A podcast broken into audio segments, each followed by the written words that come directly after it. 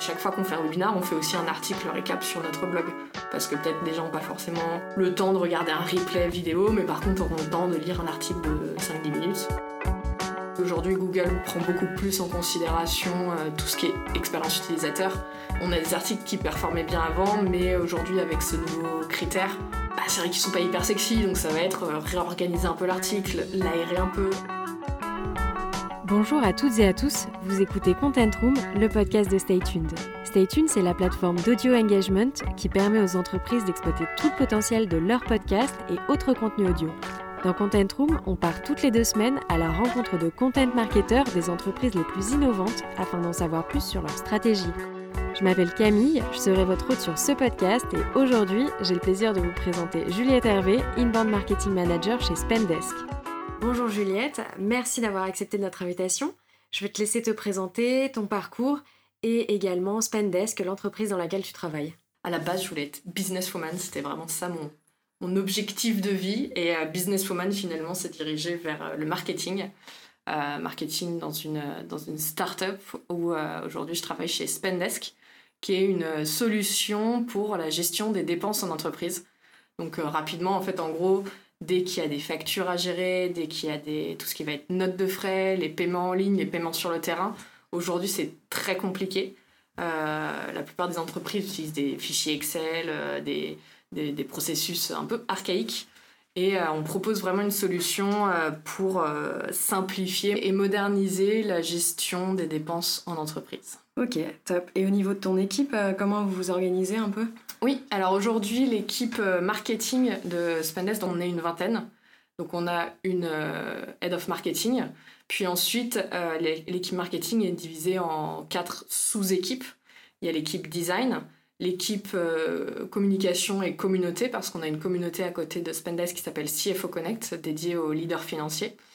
Euh, on a ensuite l'équipe euh, PMM, Product Marketing Manager, puis l'équipe dans laquelle je suis, qui est l'équipe Demand Gen, où donc on a une, un inbound marketing manager par marché qu'on couvre, c'est-à-dire aujourd'hui le marché français, qui est notre principal parce qu'on est une entreprise parisienne à la base depuis 2016.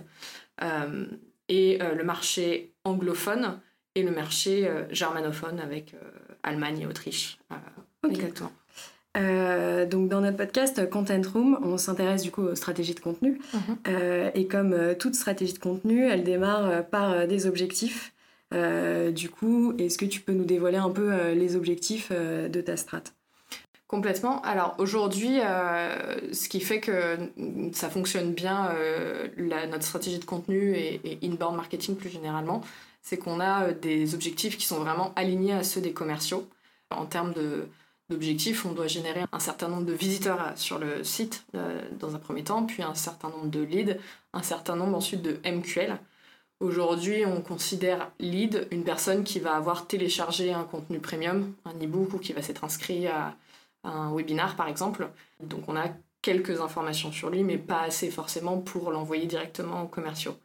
Et les MQL, pour nous, c'est vraiment ceux qui vont demander une démo, donc qui vont dire vraiment je suis intéressé par Spendesk et je veux en savoir plus. Eux sont directement poussés à l'équipe euh, commerciale.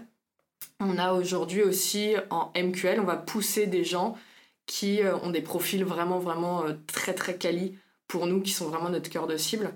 Donc euh, concrètement, si un DAF euh, d'une boîte entre 50 et 100 employés télécharge un de nos contenus euh, et une boîte en France, bah, on va le pousser aussi à notre équipe commerciale qui va avoir un discours un peu différent du coup parce que la personne a montré plus subtilement son intérêt pour nous, n'a pas dit clairement qu'il était intéressé.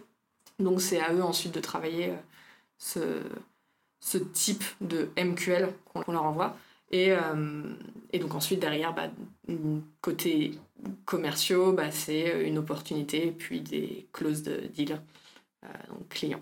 Et donc on est tous alignés sur, ce, sur, ce, sur ces objectifs-là. Ok, super intéressant. Et du coup, pour, euh, pour le qualifier, là tu parlais par exemple d'un DAF dans une grosse boîte plutôt française. Est-ce que euh, ce sont des informations que tu vas récupérer euh, au moment du téléchargement, où il va rentrer, euh, voilà, je fais partie de telle boîte, ou est-ce que tu fais de l'enrichissement derrière de bases de données avec des outils précis? Non, aujourd'hui, on a vraiment, euh, c'est ça. En gros, si on prend l'exemple d'un livre blanc, euh, la personne va télécharger, elle va euh, remplir son prénom, son nom, son adresse mail professionnelle, son entreprise, et voilà, ce sera, ce sera tout. Pour certains livres blancs vraiment très très très quali, on va demander éventuellement le numéro de téléphone, mais pas en champ obligatoire.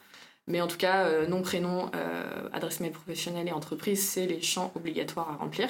Et ensuite, on a toute une une fois que la personne va avoir rempli ce formulaire, il va rentrer vraiment dans, une, dans un, nurturing avec des emails automatiques qui vont lui pousser d'autres contenus. Comme ça, avec d'autres contenus, euh, on va avoir des formulaires euh, intelligents qui vont demander d'autres questions pour compléter, euh, compléter son profil.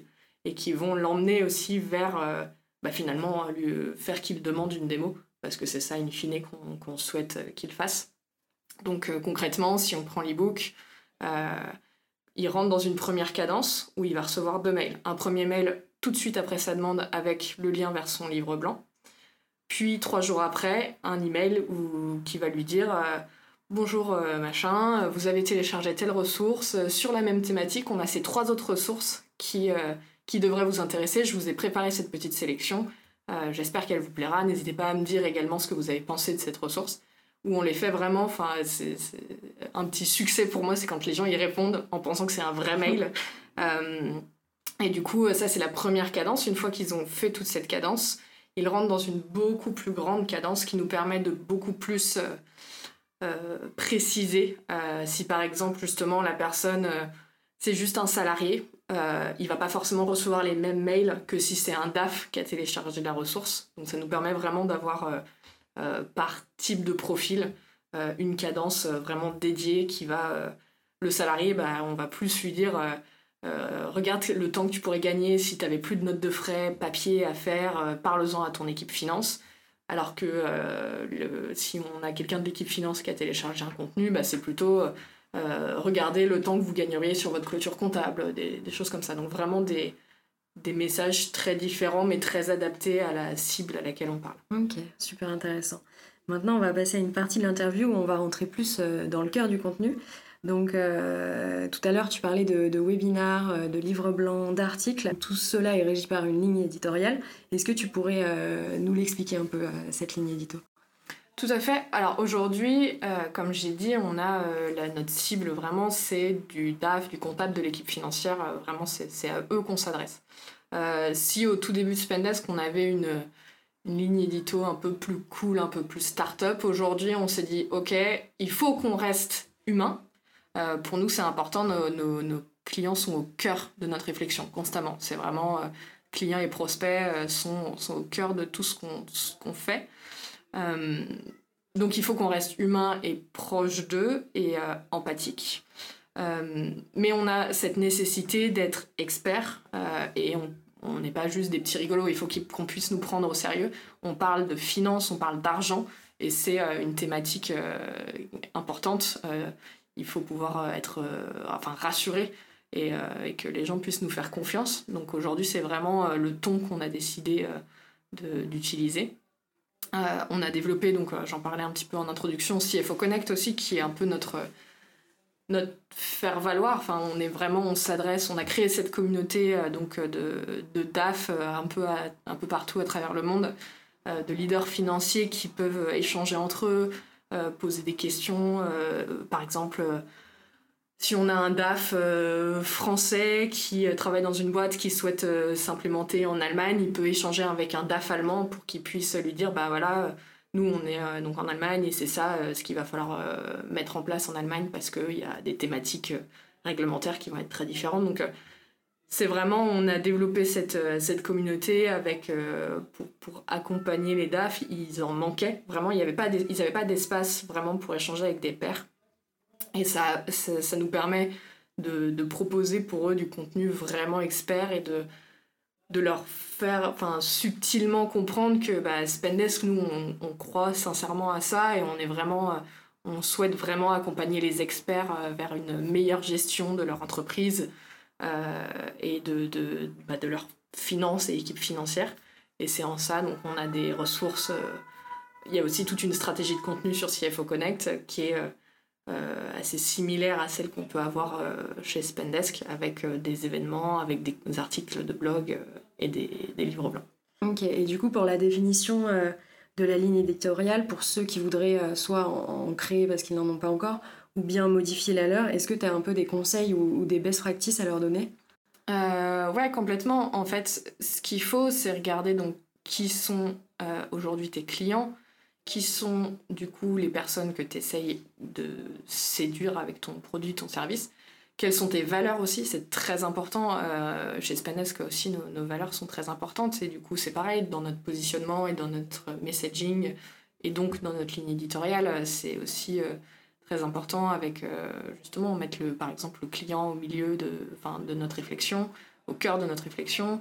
Euh, c'est euh, la curiosité, c'est la volonté de toujours apprendre, en savoir plus, d'être ambitieux. donc encore une fois, c'est vraiment c'est infuser en fait toute sa culture d'entreprise et mixer sa culture d'entreprise et les clients qu'on essaye d'atteindre dans sa, dans sa ligne éditoriale, c'est vraiment pour moi ce qui est, ce qui est primordial. Merci pour ces conseils, c'est super clair. Tu parlais de différents types euh, de contenus. Est-ce que tu peux nous expliquer pourquoi tu vas faire euh, un webinar sur tel sujet? Plutôt euh, qu'un livre blanc ou un article Ouais, alors aujourd'hui, concrètement, chez Spendesk, on a une sorte de rythme, comme ça on est sûr d'avoir le, bon contenu. C'est qu'en gros, notre rythme, c'est un article sur le blog par semaine. Alors pas forcément en partant de zéro, ça peut être aussi optimiser les contenus existants. Ensuite, on, a on fait un webinar par mois et un livre blanc par euh, trimestre. Donc ça, c'est notre rythme. On sait que on sait qu'on a ça à sortir euh, en tant que Kinboard Marketing Manager. On sait qu'on a ce, planning. Et euh, comment en fait on choisit nos sujets. pour ce qui va être les articles, c'est soit on se base sur du SEO et on sait que bah, tel, tel mot-clé on n'a pas forcément couvert et ça pourrait être intéressant et nos concurrents sont dessus, donc pourquoi pas soit on va faire des articles un peu plus high level et un peu plus euh, réflexion sur euh, euh, le futur du travail et pourquoi la, transformation digitale et, ces, tous ces sujets-là. Et en fait, de manière générale aussi, ce qu'on fait beaucoup, c'est que moi, j'échange très régulièrement avec nos commerciaux, déjà, qui, eux, connaissent vraiment bah, les problématiques euh, sur le terrain, les problématiques de nos prospects, et savent exactement quelles sont les questions que se posent nos prospects. Donc, c'est toujours hyper intéressant. Quand j'échange justement avec notre équipe commerciale, ils ont toujours des super retours, des choses auxquelles, bah, moi, de mon côté marketing, j'ai beau euh, un peu regarder des outils de, justement, de SEO, etc. Eux, ils, ont les réponses concrète et euh, du coup c'est vraiment euh, pour moi important d'échanger avec l'équipe commerciale qui va faire des retours et également pour les articles mais surtout pour les livres blancs et les webinars bah, tout simplement je vais voir notre cible en interne c'est-à-dire je vais voir notre équipe finance et je leur dis voilà je pensais je, je, prépare quelques, quelques grandes idées de sujets et je leur propose et ils me font par exemple un des derniers webinars qu'on a fait c'était sur euh, la clôture comptable. Et donc, euh, ce que je voulais, je fais, euh, ben, en fait, on va faire un webinar par mois. Je me dis, clôture comptable, c'est un sujet qu'ils abordent en novembre-décembre, donc ça pourrait être un sujet intéressant en novembre-décembre. Je me dis, je vais leur proposer quand même pour septembre, on va voir ce qu'ils en pensent. Et finalement, ils m'ont dit, mais pas du tout. Si tu nous proposes ça en novembre-décembre, nous, on est déjà dedans. Donc en fait, on va pas chercher d'infos là-dessus en tant que comptable ou équipe finance. Si tu veux nous donner des infos, c'est en septembre que nous, on cherche concrètement des bonnes pratiques, des astuces, des choses comme ça. Donc c'est pour ça que par exemple, on a fait ce webinar euh, sur la clôture comptable en septembre, qui a, vraiment bien marché et les gens étaient vraiment hyper contents d'avoir des astuces à ce moment de l'année. Donc c'est vraiment important. Enfin, si je m'étais juste euh, écouté, je l'aurais fait en novembre-décembre, on aurait très certainement des moins bons résultats que ce qu'on a eu. Euh, et du coup, ben, voilà, vraiment, bah, notre cœur de cible, on l'a en interne, donc autant aller les voir directement pour savoir ce qui va fonctionner d'après eux. Ouais, c'est super intéressant, c'est très pratique, j'imagine. Du coup, pour toi, je voulais te demander euh, si tu participais des fois à des calls, tu sais, en secret, en écoutant et en parlant pas.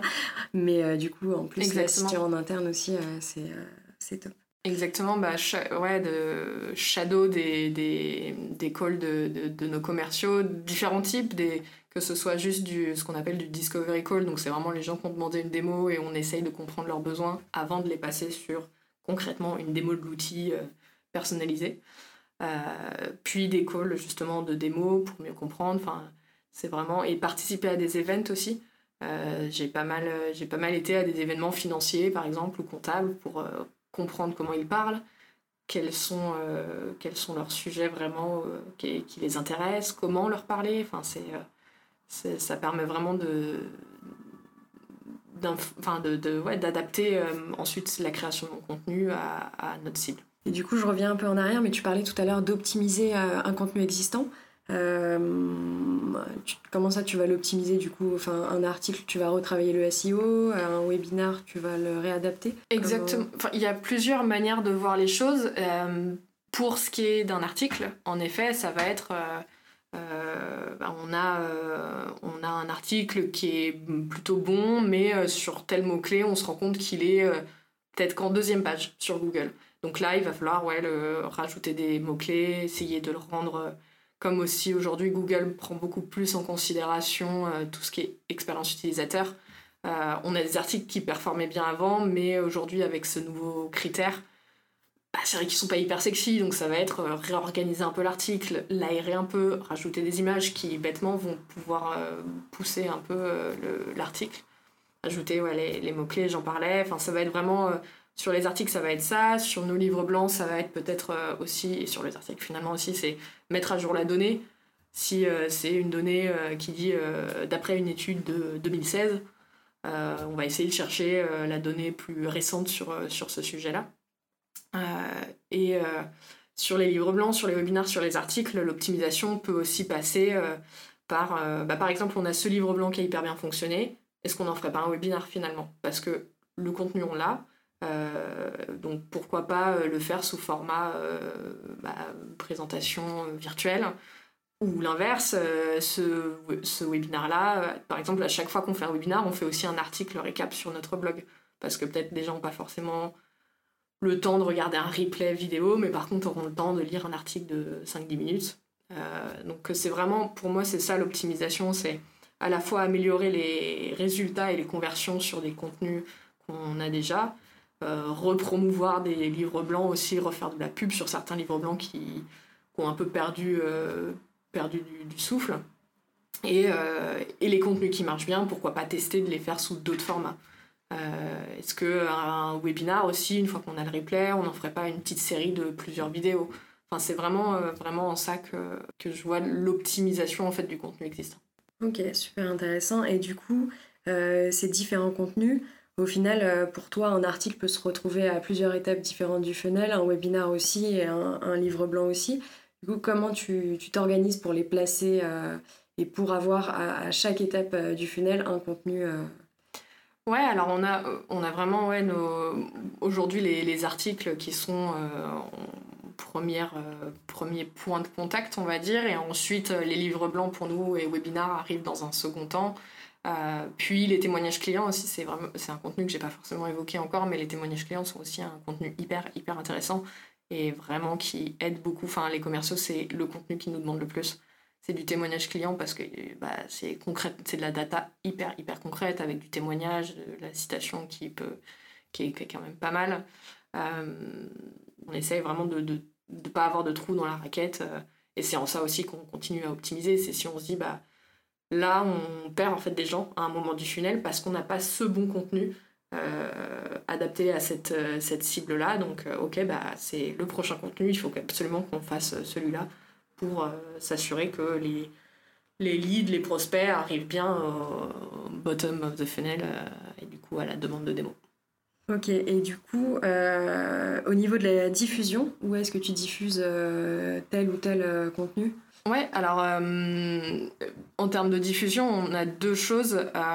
on fait des posts organiques sur nos différents réseaux sociaux. Donc, on, Spendesk, on a LinkedIn, Twitter, Facebook, Insta, mais qui est plus pour notre euh, marque employeur Insta. Euh, on a une chaîne YouTube et Vimeo également.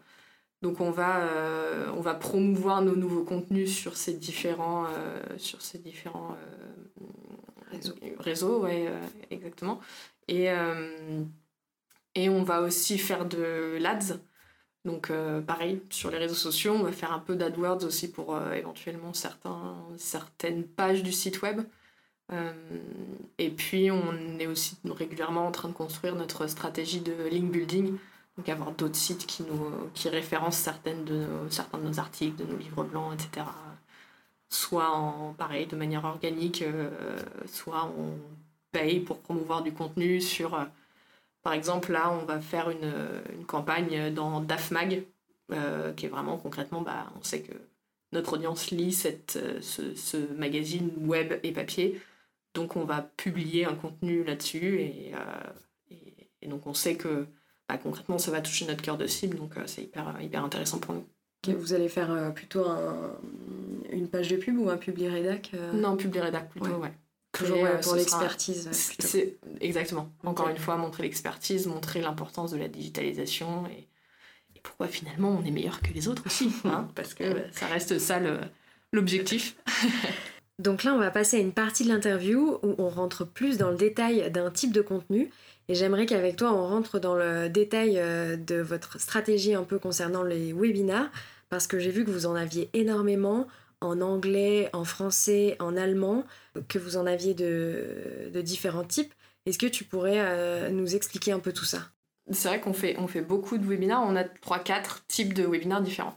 On a les webinars euh, CFO Connect, euh, encore une fois, qui sont très très euh, très très finance vraiment high level où on va parfois avoir des avocats qui vont venir parler réglementation enfin qui vont être très pratico-pratiques et très experts pour les DAF on va avoir nos, nos, webinaires marketing, euh, donc ceux vraiment euh, dont je m'occupe, qui, sont, euh, qui vont être une, une, réflexion un peu plus high level, qui va être bah, par exemple ce que j'évoquais tout à l'heure, la clôture comptable, avec des bonnes pratiques, des astuces, et, qui subtilement va nous permettre de mettre en avant Spendesk.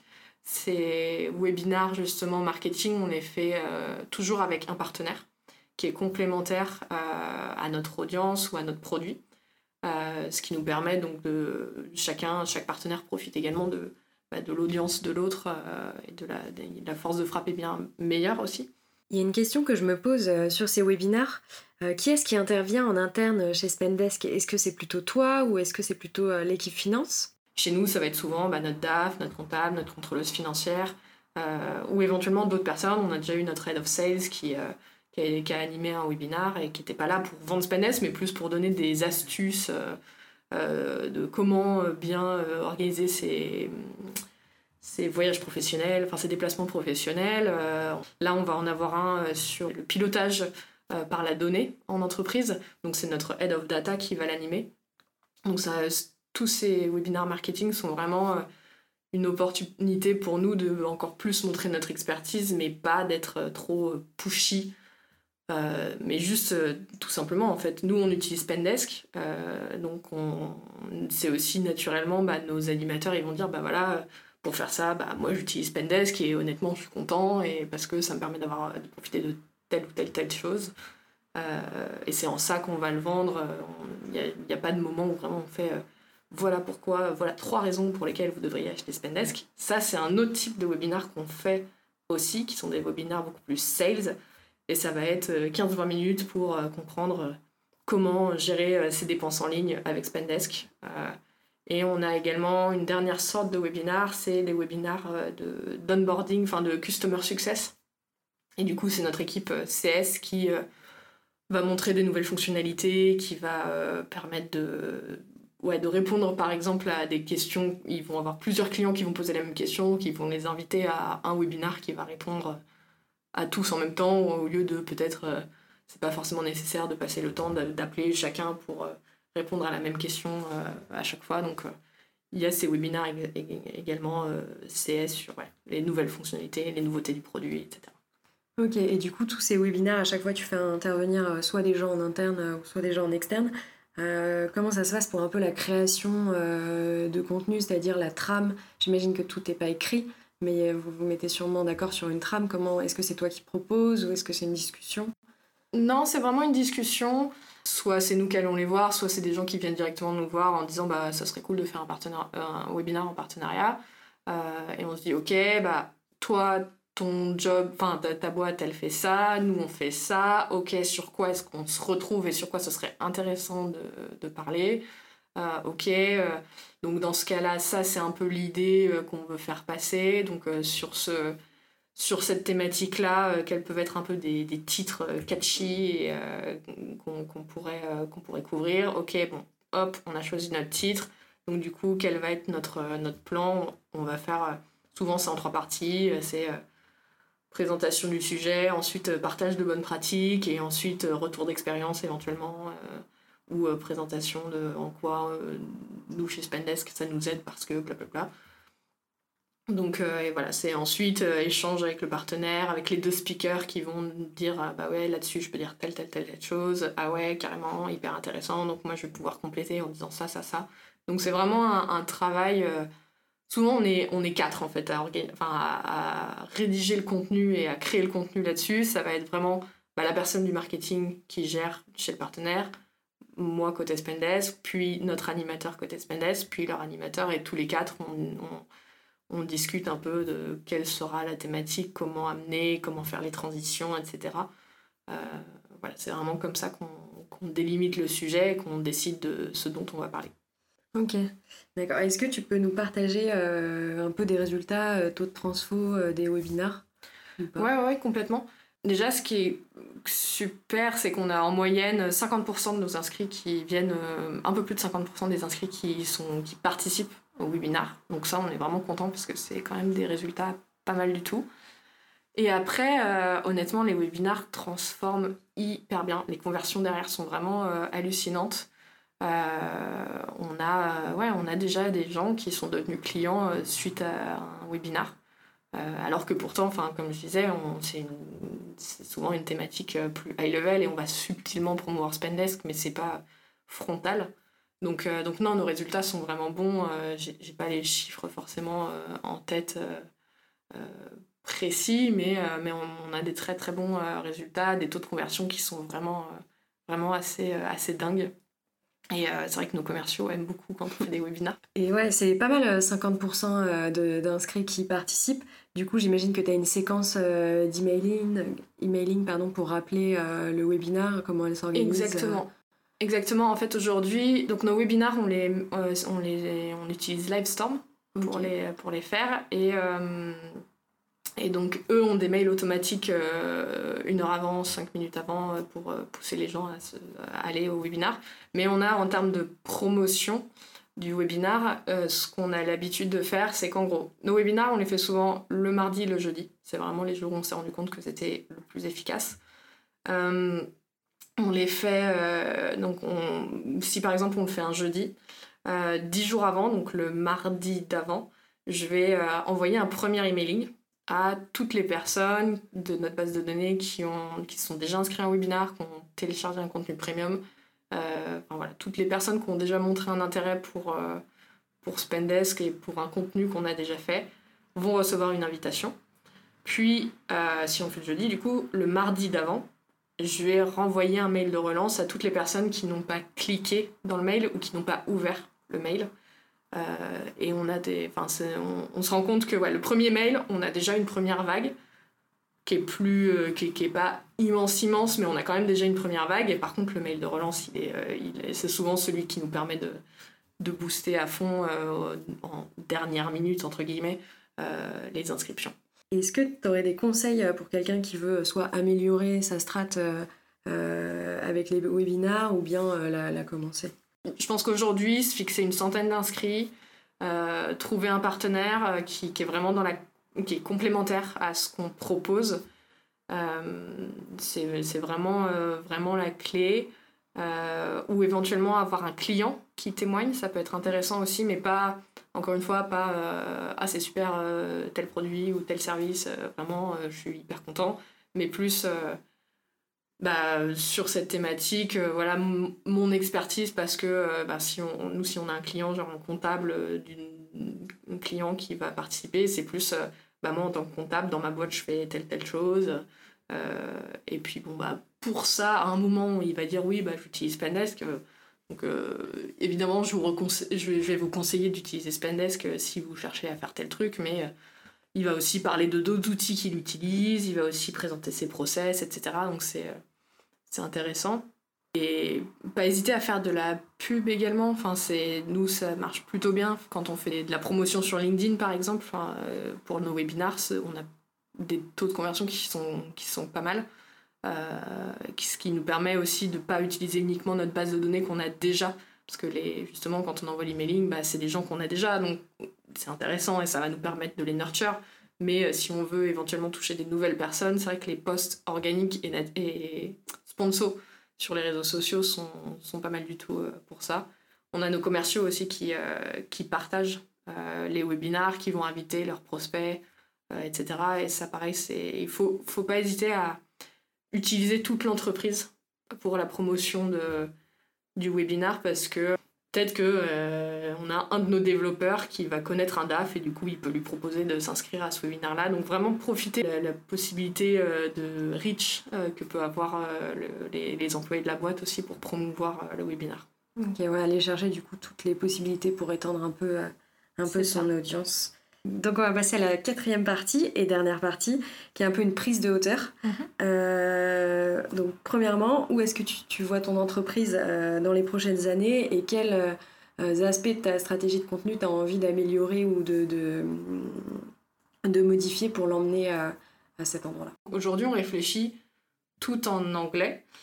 toutes nos réunions sont en anglais et du coup, c'est vrai que sur, je pense que ça peut à un moment bloquer auprès de certaines personnes euh, sur le marché français. On sait que justement, bah, les comptables, les DAF, et de manière générale, les entreprises françaises sont pas euh, toutes très open à des contenus, euh, enfin à, de l'anglais et à des choses comme ça. Donc c'est important pour nous de garder cette, cette vision française et ce messaging français et cette, de créer des contenus en français. Donc je pense que ce qui sera nécessaire à un moment, ce sera peut-être d'avoir une équipe marketing France, une équipe marketing Allemagne, une équipe marketing UK, enfin euh, contenu anglophone en tout cas, euh, et etc. pour tous les marchés qu'on va développer. Donc je pense que c'est en ça que ça va, enfin c'est vers ça qu'on va aller. Je pense d'ici quelques années, c'est vraiment euh, ça qu'on va qu'on va essayer d'atteindre. Et j'y crois vraiment. Enfin, je pense que ça va être, ça peut vraiment vraiment faire la différence je pense que ça nous permettra d'avoir une force de frappe bien meilleure. Ok, super clair. Donc deuxième question, est-ce que tu as des entreprises euh, qui t'inspirent ou bien plutôt euh, des newsletters ou des, euh, des blogs? Franchement, HubSpot.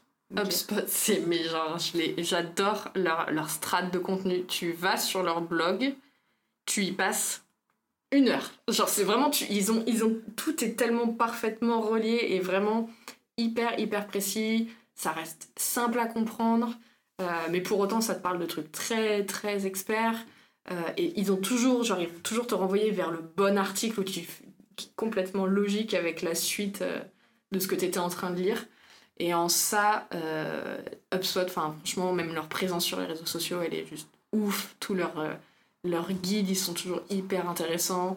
Euh, ils ont toujours le bon titre qui te donne juste envie de cliquer, de le télécharger. Ils sont très, très, très, très forts. Enfin, vraiment, à chaque fois, c'est eux que je prends en exemple. Même quand je cherche justement bah, un titre d'un webinar ou d'un e-book, je vais voir un peu, genre, euh, ils ont toujours genre, le guide ultime ou top 5 des outils pour et tout. Et c'est vrai que depuis que je base, enfin, que je fais un peu des titres comme ça, bah, on se rend compte que ouais, les résultats sont aussi euh, comme ça. Aujourd'hui, ce qui nous manque, c'est peut-être justement ce. Eux, ils ont vraiment ce, ce c'est tellement fluide d'aller d'un contenu à un autre. Et je pense que nous, c'est aujourd'hui ça qui peut peut-être nous manquer, c'est euh, s'assurer de cette fluidité, de garder l'intérêt des gens pendant... Euh, enfin, franchement, c'est ouf de se dire, euh, je passe 45 minutes, une heure sur HubSpot, sur leur blog, à lire plein de trucs. Et sinon, sur LinkedIn, je suis pas mal de personnes que je trouve hyper, hyper intéressantes. Il y a Johan de, de Comet qui partage des contenus hyper cool. Euh, j'ai découvert aussi, euh, bah, il y a un bout de temps maintenant, mais euh, Stéphane qui est en charge de, Captain Marketing, pareil, qui est hyper intéressant, qui, fait souvent des conférences, des webinars. Et son blog, pareil, il est hyper passionnant. Alors, c'est.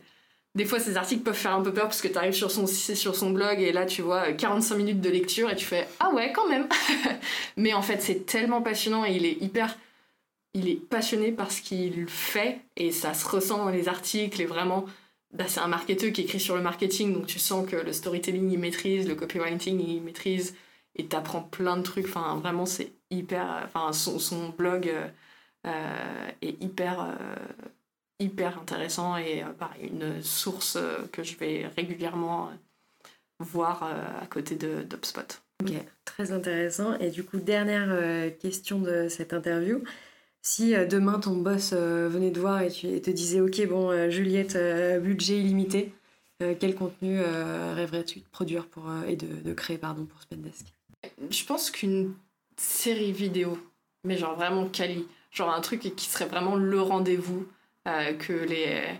Un truc à la Netflix, tu vois, genre tous les comptables et les DAF, ils attendraient tous les, je sais pas, vendredi de découvrir la nouvelle, la nouvelle vidéo qui serait un mix entre du vraiment du bon storytelling et, euh, et, qui serait pas euh, juste, encore une fois, juste on Spendesk, mais plus euh, découvrir peut-être des, des, des, portraits de comptables, tu vois, ou des portraits de DAF, mais des trucs vraiment bien qui, qui, qui où tu ressens vraiment leur thématique et, encore une fois, où à la fin ils font un peu subtil, genre ce contenu vous est apporté par Spendesk, mais pas euh, Spendesk a changé ma vie euh, parce que telle et telle raison. Mais ouais, faire une, faire une série sur comprendre le quotidien d'un comptable ou d'un DAF, euh, ça, j'aimerais bien. Ok, bah écoute, merci beaucoup, c'était très intéressant. De rien, merci à toi pour l'invitation. Merci à toutes et à tous d'avoir écouté cet épisode. Pour découvrir d'autres contenus autour du content marketing, rendez-vous sur notre site staytuned.io. Sur ce, je vous dis à dans deux semaines pour un nouvel épisode de Content Room.